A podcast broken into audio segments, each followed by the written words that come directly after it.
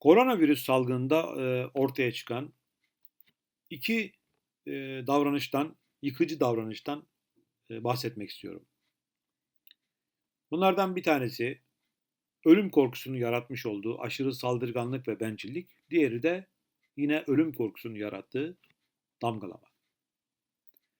Aşırı saldırganlık ve bencillik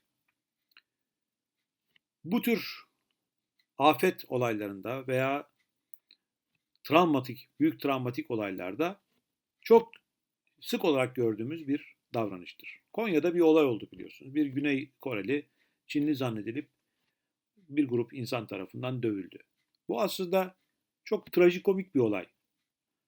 Ama sadece hamasetten veya cehaletten kaynaklanan bir olay değil. Bunun arka planında ölüm korkusuyla korkan, bencilleşen ve saldırganlaşan bir insan profili var.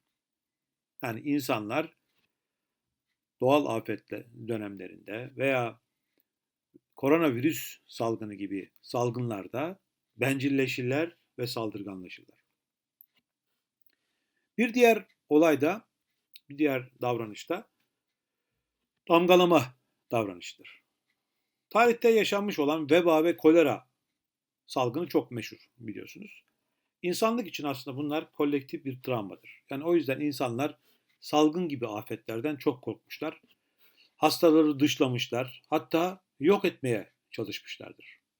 Korona virüs salgınının da böyle bir damgalamaya sebep olduğunu söylemek mümkün.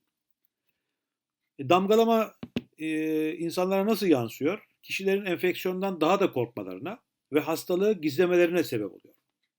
Birçok kişinin bu yüzden hastalıklarını son ana kadar gizlediklerini ve sağlık kuruluşlarına son raddeye kadar baş vurmadıklarını biliyoruz. Halbuki erken başvurular hem kişinin kendisini hem de bulaştırabileceği insanları korumak adına en hayati tedbirdir.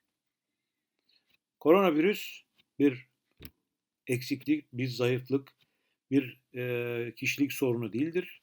Bir viral enfeksiyondur, bir sağlık sorunudur. O yüzden bu damgalamanın etkisinde kalmayınız ve herhangi bir belirti gördüğünüzde hemen hastaneye, sağlık kurumlarına müracaat ediniz.